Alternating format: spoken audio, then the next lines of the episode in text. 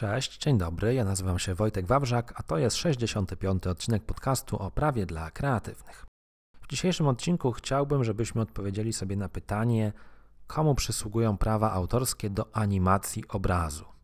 I od razu doprecyzowuję stan faktyczny, bo jest on istotny i tutaj podkreślam, artykuł nie będzie miał zastosowania do wszystkich możliwych animacji, ale pokaże pewien stan faktyczny, który ostatnio miałem okazję konsultować dla jednego z klientów, a który moim zdaniem jest dość interesujący, żeby zrozumieć pewne ważne zagadnienie. O co chodzi? Mianowicie chodzi o to, że mamy taką sytuację, w której do grafika zajmującego się animacją przychodzi twórca obrazu. Obraz pierwotnie powstał na płótnie, ale został przeniesiony techniką cyfrową i grafik otrzymuje taki obraz w pliku elektronicznym. Twórca obrazu przekazuje grafikowi, że chciałby osiągnąć określony efekt ruchu i pokazuje mu, wręcz rysuje, jak ten efekt ruchu powinien wyglądać. Grafik wykonuje taką animację, animuje ten obraz otrzymany w pliku elektronicznym, no i powstaje pytanie, komu przysługują prawa do powstałej w ten sposób animacji.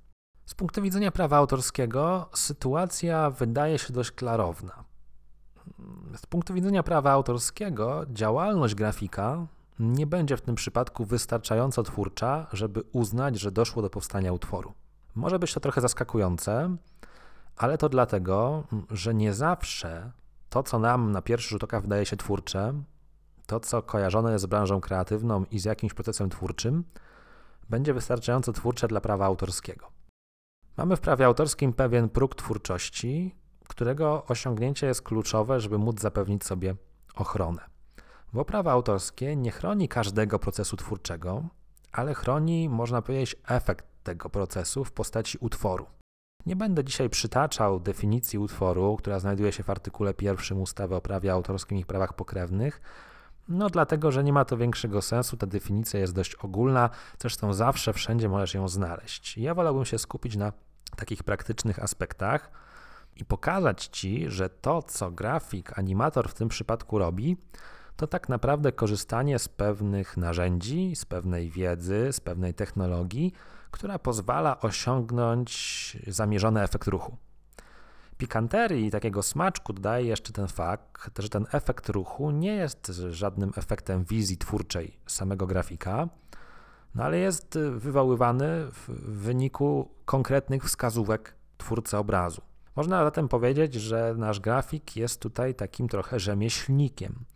I nie chodzi tutaj bynajmniej o jak gdyby deprecjonowanie jego pracy, ani deprecjonowanie pracy jakiegokolwiek innego zawodu kreatywnego, ale zwrócenie uwagi, że w pewnych sytuacjach odchodzimy od twórczości na rzecz wykonywania jakichś prac bardziej technicznych, rzemieślniczych.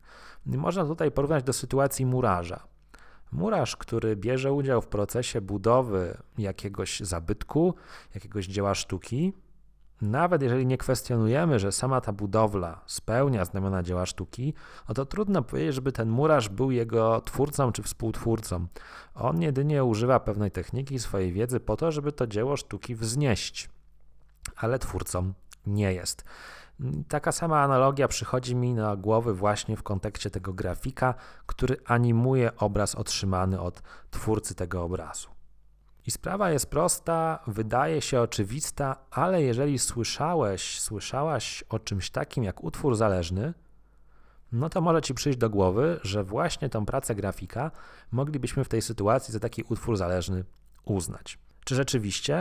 Mm, no, prawdą jest, że prawa autorskie zna takie pojęcie jak utwór zależny, i takim utworem zależnym jest opracowanie utworu pierwotnego.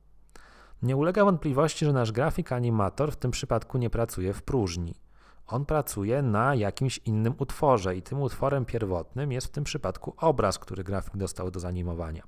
Prawdą jest również, że do utworu zależnego prawa autorskie powstają po stronie twórcy tego utworu zależnego, przy czym, żeby korzystać z takiego utworu zależnego, trzeba mieć zgodę twórcy pierwotnego. Więc nawet gdyby uznać, że nasz grafik animator stworzył utwór zależny, to żeby korzystać z tej animacji, musiałby mieć zgodę twórcy obrazu. Natomiast ja uważam, że w tym przypadku grafik animator nie jest twórcą utworu zależnego, że ta animacja nie jest jako takim utworem zależnym, bo do utworu zależnego również musimy stosować kryterium twórczości. Czyli ta, to, ten proces, który doprowadzi do powstania utworu zależnego, również musi nosić znamiona tego procesu twórczego. Tymczasem nadal grafik tylko korzysta z pewnej technologii, z pewnej techniki, z pewnych narzędzi oprogramowania. Nadal, można powiedzieć, wykonuje pewną pracę techniczną. W związku z tym uważam, że ona w tym przypadku nie tworzy utworu zależnego. Wniosek z tego wszystkiego jest więc taki, że skoro nie powstaje nowy utwór, to nikt nie ma praw do tej nowej animacji.